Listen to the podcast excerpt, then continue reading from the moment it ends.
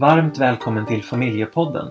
Det här avsnittet kommer framförallt att handla om förlossningar. Och vi kommer prata dels om vår egen familjs erfarenhet av förlossning men vi har också träffat Axel Repka som har erfarenhet av en hemmaförlossning och kommer att prata om det.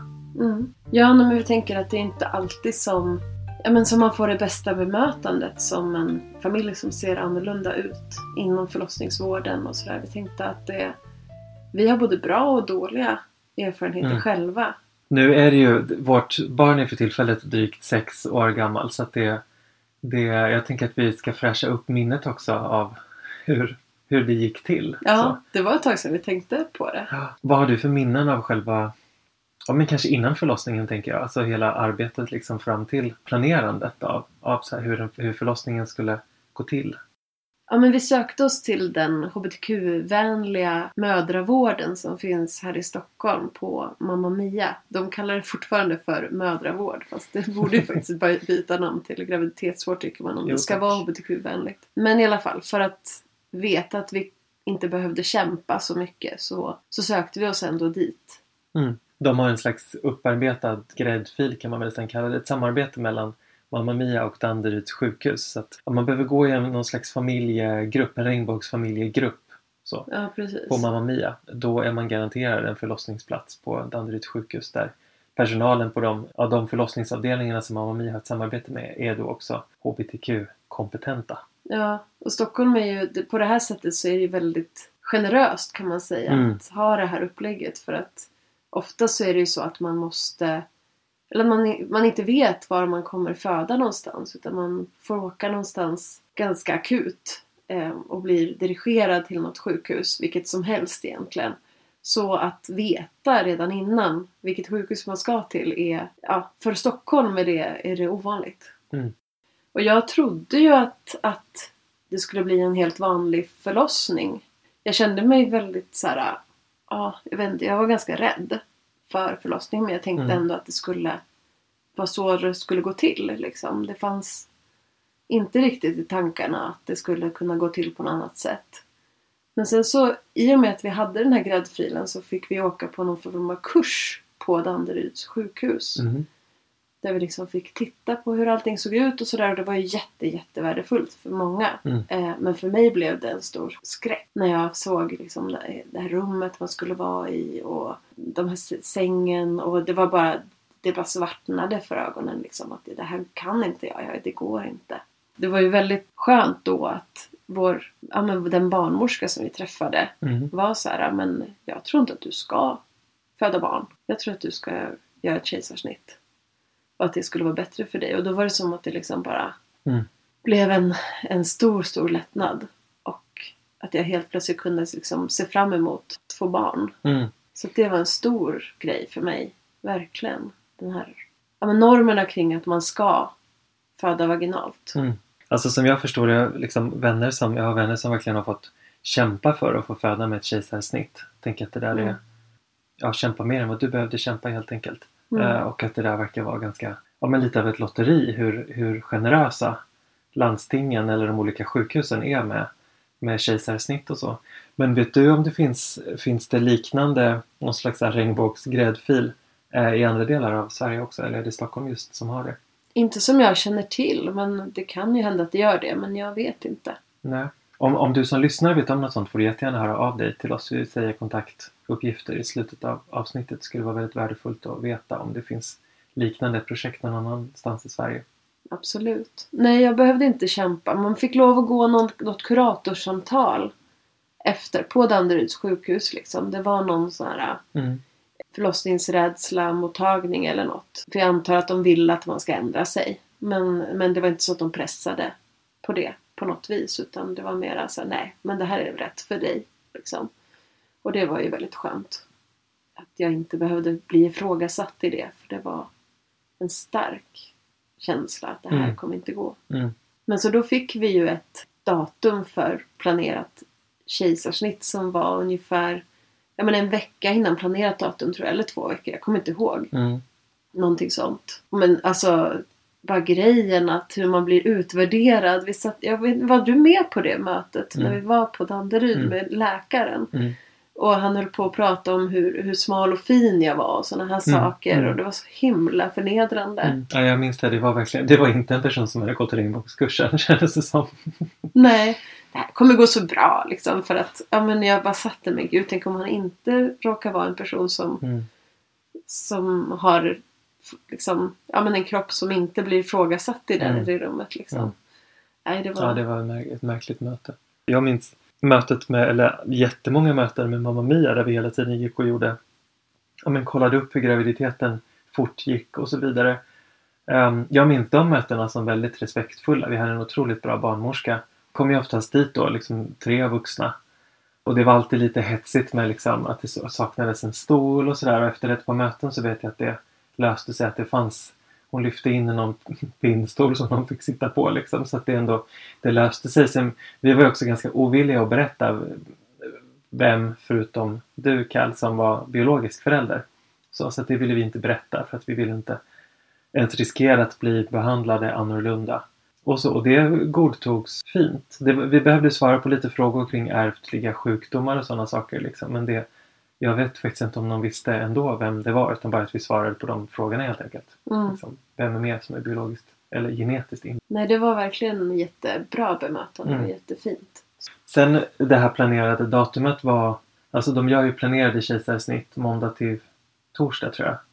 Mm. Eller ja, något, något något sånt. Tanken, eller till och med måndag till onsdag. Jag tror tanken är att man inte ska behöva stanna där över helgen. Men hur som helst så det finns lite, här, här om tvist, här de lärda bara vad som hände egentligen. Om vi kanske var ute och dansade för mycket eller om andra saker hände. Mm. Men hur som helst så ville ju det här barnet komma ut på, på söndagen innan vår tid i alla fall. Mm.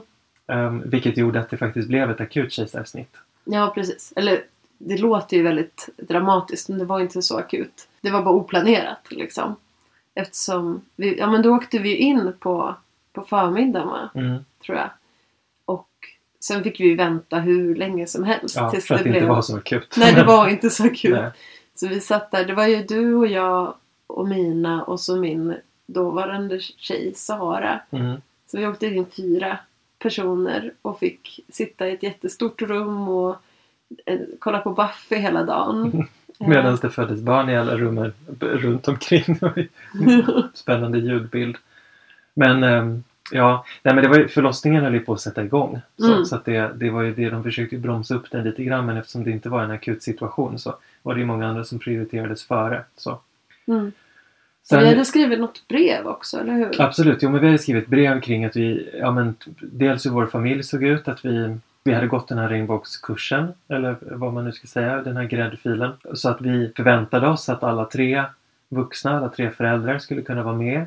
Så liksom i alla skeden av, av eh, det här barnafödandet. I brevet så stod det också att, att vi inte ville veta vad barnet har för könsorgan.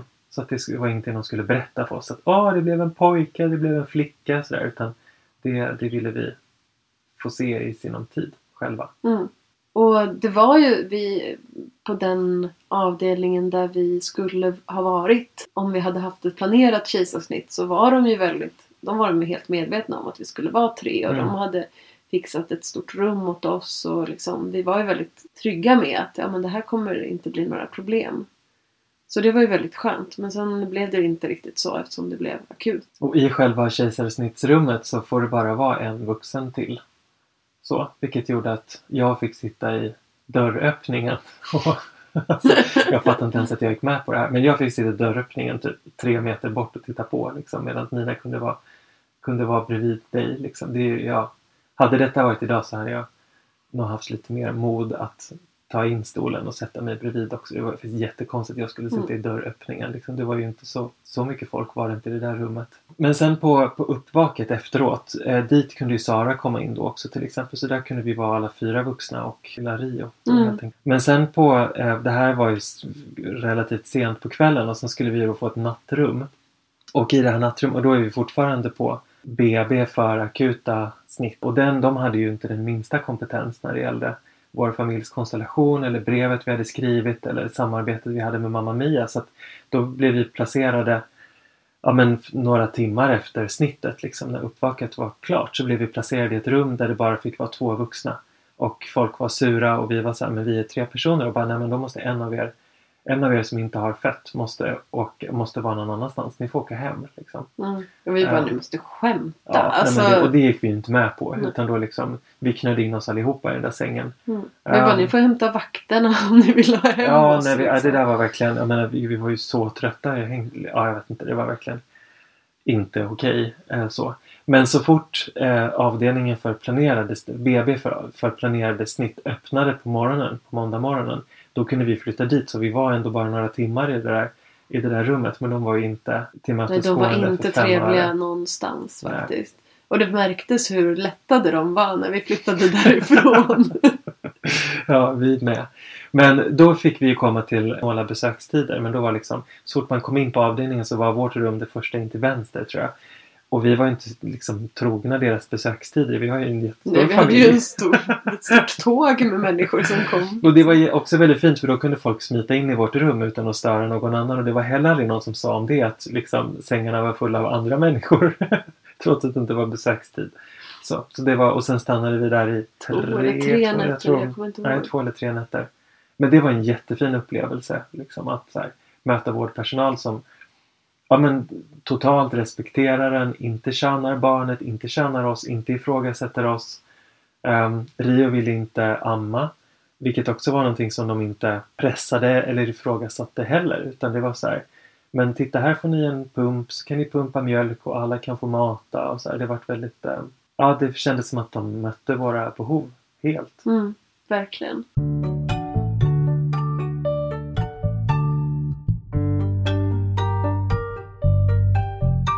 Vi har ju också träffat Axel som har eh, lite andra erfarenheter av förlossning och en hemmaförlossning. Så att vi tar och lyssnar på det. Nu sitter jag här i Malmö och pratar med Axel eh, vid ett eh, rosa köksbord i en fantastisk lägenhet på Möllan. Ja. Ehm, och du ska vara med i, i podden och läsa upp en text som du har skrivit. Vill du berätta lite grann om vem du är och vad, hur din familj ser ut? Mm. ja, jag bor i Malmö sedan tre år tillbaka och, bodde i Stockholm innan det när, när det barnet som vi har föddes då. En annan av dem och en tredje vuxen. Och vi tre håller på att skaffa ett till barn nu då precis. Och den tredje föräldern till det barnet vi har bor själv. Ja, några hundra meter härifrån. Malmö är ju väldigt smidigt liksom på så sätt om man lever i sådana konstellationer. Ehm, och barnet bor i båda lägenheter då. Flyttar emellan. Mm. Mm. Och den här texten skrev du för flera år sedan. Mm. Ehm, så den är ju inte dagsaktuell kanske. Men hur, hur kom det sig att du skrev texten? Det var lite vårt fel. ja, det var ju ert fel. ja, men jag ville, alltså kände också verkligen att den fanns i mig. Så när jag fick frågan och tänkte, jo men då visste jag på en gång, okej men det är förlossning jag ska skriva om och jag, jag födde barnet hemma då och det var liksom, ja det fanns massa anledningar till det och, och väldigt starka känslor och minnen kopplade till, till den stunden. Så när jag väl satte mig och skriva så var det bara som att texten kom liksom. Jag, jag tror att det är kanske andra versionen som jag kommer läsa. Jag har inte liksom omarbetat den särskilt många gånger utan den, ja, den var självklar på något sätt. Liksom. Mm, vi hade ju börjat tänka på att göra en familjeantologi med texter liksom. Och det visade sig vara ganska svårt att få in texter och att få att bearbeta dem och, och på det sättet. Så att Axels text var en av de få som vi kände var helt klara. Och sen började vi tänka på hur gör vi istället för att kunna liksom nå ut med budskap om queera familjer på ett sätt som inte är riktigt lika tidskrävande som en antologi. Och då, det var då vi började tänka på att göra en podd istället. Mm.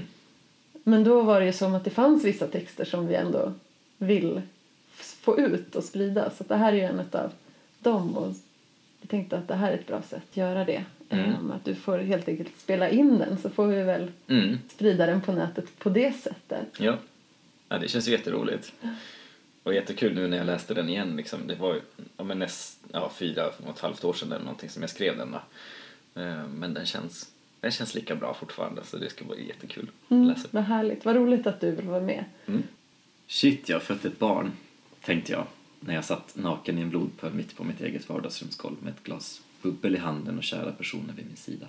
Det var en sen februarikväll och belysningen var dämpad. Den nyfödda gick från famn till famn. 29 timmar tidigare hade de första verkarna kommit och sedan dess hade jag varit i det bästa sällskapet en kan tänka sig som gjorde bedriften möjlig. Det var jag som hade fött, men jag visste att det var tack vare den gemensamma kraftansamling som hade skett som det var möjligt. Det finns många berättelser om förlossningar som handlar om smärta eller hur en kan hantera smärta.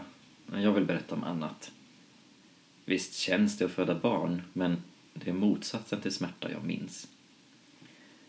De första orden som kommer till mig när jag tänker på min förlossning är gemenskap, kärlek, omsorg och magi.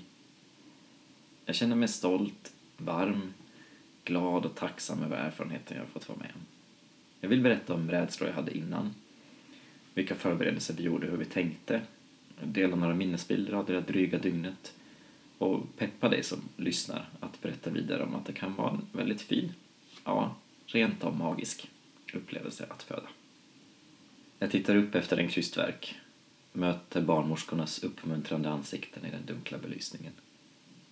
Känner fleras trygga händer på mina axlar, under mina armar, mot mina ben. Jag får ett sugrör med saft i min mun. Hör Freddie Mercury sjunga I want to break free från spellistan. Och en av barnmorskorna säger att det var väl en väldigt lämplig låt att födas till. Spridda skratt.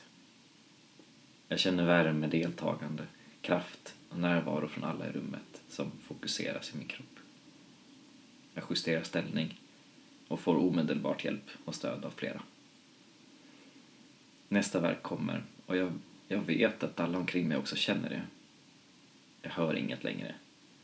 Allt mitt fokus finns djupt inne i min kropp. Det var en på många sätt unik upplevelse att föda. Innan kunde jag inte helt föreställa mig hur det skulle vara. Men mitt i var det ändå helt självklart vad som hände och hur kroppen agerade. Att få vara med när ett nytt liv kommer till världen är fantastiskt i sig. Och att få känna när den lilla kroppen kommer ur min och plötsligt ligger där fri utanför mig och skriker, det är helt oerhört. Det var såklart det mest ansträngande jag varit med om. Och efteråt kände jag att jag skulle kunna klara vilken utmaning som helst. Snart efter jag fick veta att jag hade lyckats bli gravid började jag fundera på och oroa mig för förlossningen. Hur skulle vi kunna skapa tillräckligt med trygghet inför och i den stunden? Jag föreställde mig min transmaskulina födande kropp i en sjukhussal och kände bara hur det vreds i magen av oro. Oro inför att bli felkönad, ifrågasatt eller klumpigt bemött. Oro inför att bli omhändertagen av stressade barnmorskor och undersköterskor som jag tack vare att jag själv arbetar i vården vet att de arbetar på marginalen, att de inte har kunnat ta raster som de behöver.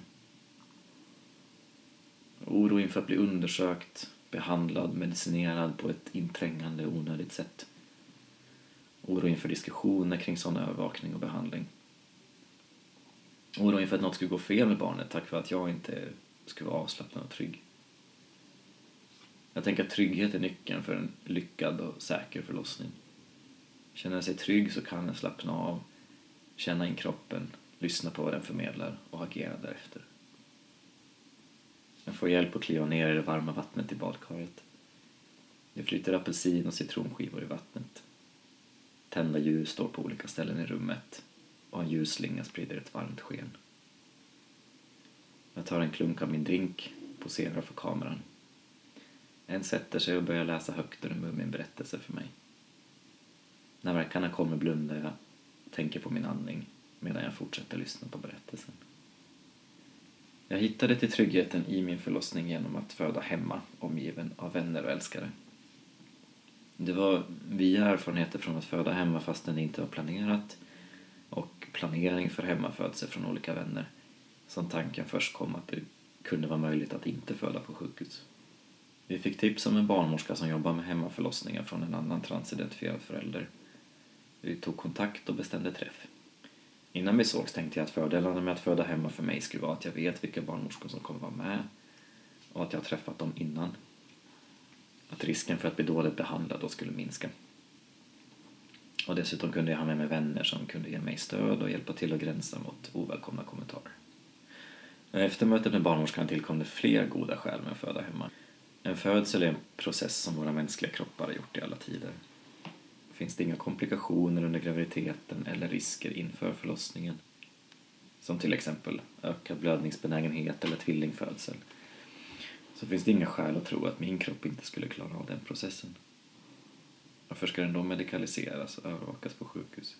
På klinik förväntas en förlossning fortskrida enligt en mall och tar något skede längre tid än vad professionen bestämt är normalt så föreslås ofta någon slags åtgärd.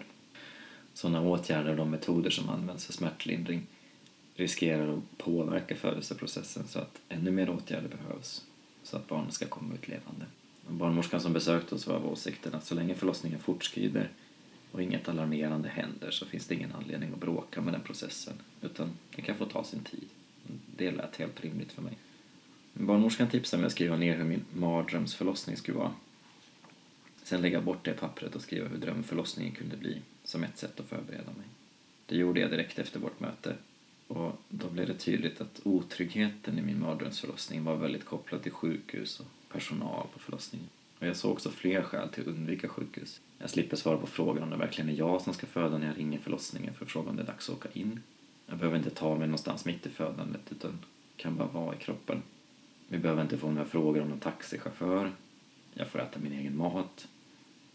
Jag kan använda det varma vattnet i badkaret för smärtlindring. Och barnet kommer direkt till den miljö där den kommer tillbringa sin första tid. Jag behöver inte möta några andra bakterier, dofter och intryck. Jag stiger upp ur sängen där jag legat i halvdvala några timmar, följs av två personer till köket. Klockan är fyra på morgonen. I vardagsrummet ligger några och sover på soffan och på madrasser på golvet. När verkarna kommer testar vi olika positioner för att jag bäst ska kunna slappna av i kroppen. Mellan verkarna målar vi naglarna. Det enda som kunde tala emot att föda hemma var frågan, är det säkert?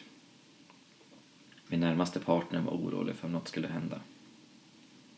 Jag är läkare själv och har därmed tillgång till medicinsk litteratur.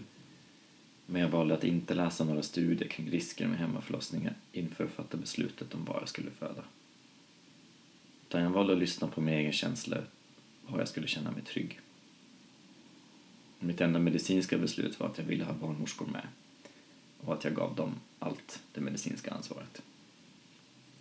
Och vi bodde då också kanske tio minuter med ambulans från ett universitetssjukhus. Så skulle något mot förmodan gå snett så fanns all tänkbar hjälp inom nära räckhåll. Barnmorskornas professionalitet, närheten till sjukhus och att jag var lugn själv gjorde att oron hos partnern lättade och därmed var beslutet fattat. För att kunna ha en hemmaförlossning assisterad av barnmorskor behöver en ha en graviditet med låg risk och pengar för att betala barnmorskorna. Om man har fött barn tidigare och det har gått bra och att man också uppfyller ett gäng andra kriterier så kan man i Stockholms läns landsting få ett bidrag som täcker, täcker största delen av kostnaderna.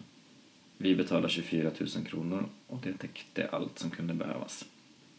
Två barnmorskor hade beredskap att komma till vårt hem under en månad runt beräknat datum för förlossningen. De närvarade båda under födseln och skulle också ha följt med in till sjukhus om det hade behövts. De gjorde alla kontroller, fixade pappersarbetet och en barnläkare kom hem och undersökte barnet efter förlossningen. Vi sätter oss till bords. Alla har fått beställa sin kombination av vad som ska vara på pizzan och bitarna delas ut till var och en. Det står tända ljus på bordet, ute är det mörkt. Den förväntansfulla, lite spralliga stämning som rådde när alla kom, den börjar lägga sig i en fokuserad, men fortsatt festlig känsla. En spelar in en film med mobilen och en annan berättar vad som är på pizzan, vad klockan är och hur många minuter det är mellan verkarna. Liksom ärren som synliggör min kropp som trans påminner mig ärren efter förlossningen mig om hur våra kroppar och erfarenheter skapas tillsammans i relation till varandra. Mina ärr betyder mer för mig när jag vet att andra bär liknande ärr. De får sin mening i de gemensamma erfarenheterna av att vara trans och av att ha fött barn. För mig var det en självklarhet att föda omgiven av nära och kära. Det är så jag gör och lever mitt liv, tillsammans med andra. Jag känner mig mycket starkare i ett kollektiv än ensam. Att det skulle vara ett gäng var klart. Jag tänkte kring vilka som skulle vara bra att ha med, valde ut sådana som jag kände mig trygg och lugn med och började fråga folk om de ville vara med. Och över en längre tid växte gruppen på så sätt fram. Alla kände inte varandra sedan innan utan gruppen skapades utifrån mitt önskemål. Och när det sen började närma sig beräknat datum för förlossning så ordnade vi flera träffar där alla fick träffa varandra och prata om hur det skulle bli. Vi gjorde mat, åt och fyllde upp frysen med matlådor och ha till tiden kring förlossningen. Vid ett tillfälle masserar vi varandra och vande oss vid att vara nära. Vi pratar om hur vi funkar i situationer av stress och vad en kan behöva för att hålla fokus. Jag försökte förklara vad jag skulle behöva, även om jag inte visste det helt eftersom jag aldrig hade varit i situationen förut. Så jag bad om närvaro, lugn och inkännande. Mina behov skulle vara helt i fokus. En av barnmorskorna kom med på en träff och berättade hur en förlossning brukar gå till, svara på våra frågor och betona att det viktigaste under födandet är avslappning och en lugn atmosfär som skapar förutsättningar för det. Vi skapade en struktur med stödled så att alla skulle ha någon de i första hand kunde vända sig till om något blev jobbigt, så att det inte skulle ta fokus från mig. Och vi gjorde också en sms-lista så att information lätt kunde spridas till alla på en gång. Det var åtta personer med i gruppen och till slut var det sex av dem som hade möjlighet att vara med. En stund efter att de första verkarna kom kallade jag till mig hela crewet och hade telefonkontakt med barnmorskan. När folk kom var de uppklädda och förväntansfulla. Jag hade gått över beräknat datum nästan två veckor så vi hade alla väntat och längtat länge. Det följde ett dygn med regelbundna verkar, lugn musik, sagoberättande. Folk turades om att berätta och massera min rygg, mina axlar och underben. Det bakades scones till frukost och vi var alla i stunden. Att föda är ett varande, sa barnmorskan på den gemensamma träffen innan. Och vi var sannerligen ett gemensamt varande det där dygnet. Sen följde några mer intensiva timmar där allas fokus skruvades upp ytterligare och barnmorskorna anslöt. Vi kunde stanna hemma hela förloppet och barnet föddes in i en cirkel av gemenskap och kärlek. De flesta stannade i hemmet till morgonen därpå då vi åt frukost på sängen och förtrollades av bebisnärvaron.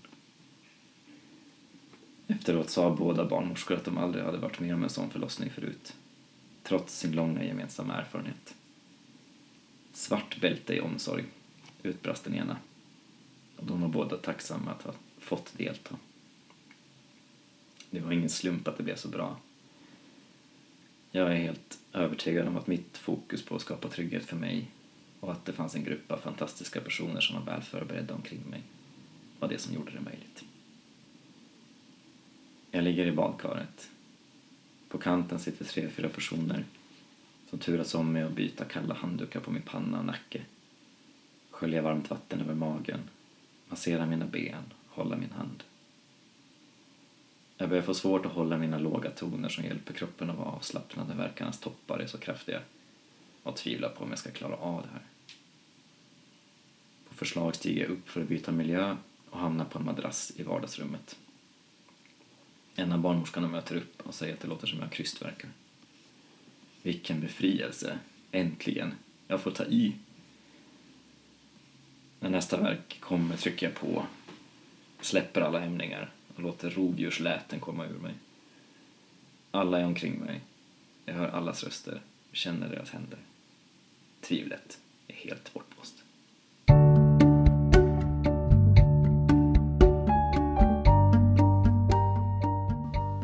Alltså det här är en så himla fin text. Det är jättefint att få ha med den i familjepodden. Ja, verkligen. Och tack Axel för att du ville vara med Mm. och läsa in den Tack. för oss. Men jag tänker lite mer kring ja, men så här, dagarna när vi kom hem Mm. från sjukhuset och så. Alltså det konstigaste var ju att ta hem Rio. Tycker jag. Ja. Efter tre dagar. barnet? Ja, eller hur? Man bara, men vad, tänk om vi inte, alltså ni vet inte vilka vi är. Då ska vi ta hem det här barnet och man bara, hur klarar vi, kommer vi klara det här? Och alla tar hem sina barn efter tre dagar. Mm. Ska ingen övervaka oss? Mm. Alltså den känslan var ju Mm. verkligen jättestark. Den, har säkert, den delar säkert de flesta kan jag tänka Ja, mig. jag vet inte men jag tyckte att det var Ja, jättespooky. nej, men det var verkligen skumt. Liksom. Just att inte någon har någon insyn. Det är också så här för hela graviditeten det ändå på något sätt så här, kanske inte övervakats men följts upp av en barnmorska hela vägen. Liksom. Mm. Och sen har det varit sjuksköterskor runt omkring oss på sjukhuset hela tiden. Så, så det, det var väldigt speciellt att komma hem. Så. Men vi hade sett till att försöka dela lika på så mycket som, på så mycket som möjligt. Nu hade vi redan innan bestämt att, att du Kalle skulle pumpa mjölk så att vi alla kunde Så vi alla kunde mata men sen blev det så att Rio inte ville amma överhuvudtaget så att det blev bara flaskmatning Mm. eh, den första tiden. Vilket gjorde att vi alla tre kunde mata och kunde tillgodose alla Rios behov helt enkelt. Det kunde Mm. vi göra alla tre redan från första början. Och det gjorde att vi också mm, såg till att vi alla fick, alltså ja, men när de är sådär små så, vet de ju inte när de ska sova och vara vakna och hit och dit liksom. Så då turades vi om att vi hade eh, ja, men kanske halva nat- natten var eller hela natten var och så vidare. Att vi delade upp tiden så att två personer alltid fick sova. Och sen Mm. var det en person som var ansvarig för att, att ge mat och trösta och liksom byta blöjor och gulla och sådär. Ja, ja, det var ju så himla skönt att få sova. Det är viktigt. Jag tror att alltså, vi var ju... Det enda som, som var lite jobbigt var ju att det kom så himla himla mycket folk och ville hälsa på. Mm. Så det var så mycket disk och vi hade ingen diskmaskin. Nej, så vi bara diskade och diskade och diskade hela dagarna. Men i övrigt så var det ju liksom, vi var ju glada på varandra och vi Mm. sov och vi... Ja, Vi var också hemma alla tre. Första månaden var vi något hemma. sånt var det ju. Och det kunde möjliggöras av att vi då också eh, synkade ihop vår ekonomi så att vi skapade en gemensam ekonomi för hushållet och liksom där, där våra löner eller vad vi nu hade för typ av inkomst gick in så, så delade vi på det. Eh, och det gjorde ju då att ja men det finns ju de här som kallas för pappadagar som är tio dagar, jättedåligt namn på det. Som det inte finns några pappor i den här familjen men i alla fall, är- ett barn kommer ju med liksom tio extra dagar liksom som Mm. då den förväntade föräldern som inte har fött barnet då ska kunna vara hemma. Så de använde vi ju. Men sen så tog det ju, det tog ju lång tid innan vi kunde tröska oss igenom systemet och överföra föräldradagar till varandra. Så jag menar nu har vi ju delat upp så att alla har fått en tredjedel föräldradagar var. Men det systemet, det tog ju, jag tror det tog ett halvår innan vi kom så långt. Vilket gjorde att det fanns ingen ekonomisk eh, egentligen ingen ekonomisk möjlighet så här, att kunna vara hemma om vi inte hade synkat ihop ekonomin så att vi i alla fall hade två inkomster att dela på på tre då när vi var hemma allihopa. Mm. Men det var så himla bra liksom att det spelade ingen roll om man vabbade eller om man var föräldraledig. Att det, liksom, det påverkade inte ens egen ekonomi värre än någon annans. Mm. Det var ju väldigt smart av Mm. oss. Ja, ja, men det är ett tips ifall det är folk som är i liknande, liknande situation. Att det ekonomin, en, ja, men en gemensam jämn ekonomi tar bort jättemånga konflikter. Mm. Ehm, så. Och att det, ja, det skapar mycket ett, ett gemensamt ansvar. Som, för oss funkar det väldigt fint i alla fall. Och att vi också kunde dela på alla sysslor kring Rio. Jag menar, jag tror att någon vecka efter att vi kom hem från sjukhuset tror jag att du sov borta. Ja, det var lite längre var det. Det var men ja, det var inte så lång tid. Kanske tre veckor eller någonting. Men, men ja, nej, jag, det var jätteskönt att ha den friheten liksom tidigt. Det som var, det som var begränsande var egentligen kejsarsnittet och läka det. Inte att det fanns ett barn. Mm. Liksom. Vi hyrde också en bröstmjölkspump, en elektrisk, från eh, BB. Mm. Vi kunde Det bästa var att vi inte behövde betala hela summan. Vi behövde bara betala några dagar. Hur kommer det sig? För de missade att fakturera typ för tre Jaha. månader. Så vi, jag tror att vi queers. Jag vet inte. Kanske de var... Jag vet inte. Det var, vi fick betala för kanske 18 dagar istället för jätte, jättemånga dagar. bort. Men det var ju bra. Det kanske var ett härligt litet skadestånd eftersom Försäkringskassan inte lyckades ge oss alla pengar. Eller hur? Ja, vi Det jämnar ut sa sig. inte så mycket om det. Ja. Det här var allt för oss idag i det här avsnittet av Familjepodden där vi båda har fått träffa Axel Repka och också prata om vår egen familjs erfarenhet av förlossningsvården. Vi som gör det här, den här podden heter Cal Orre och Safir Vurba. Och om du vill ha kontakt med oss så finns vi på queerfamilj.gmail.com. Tack att du lyssnat. Vi hörs!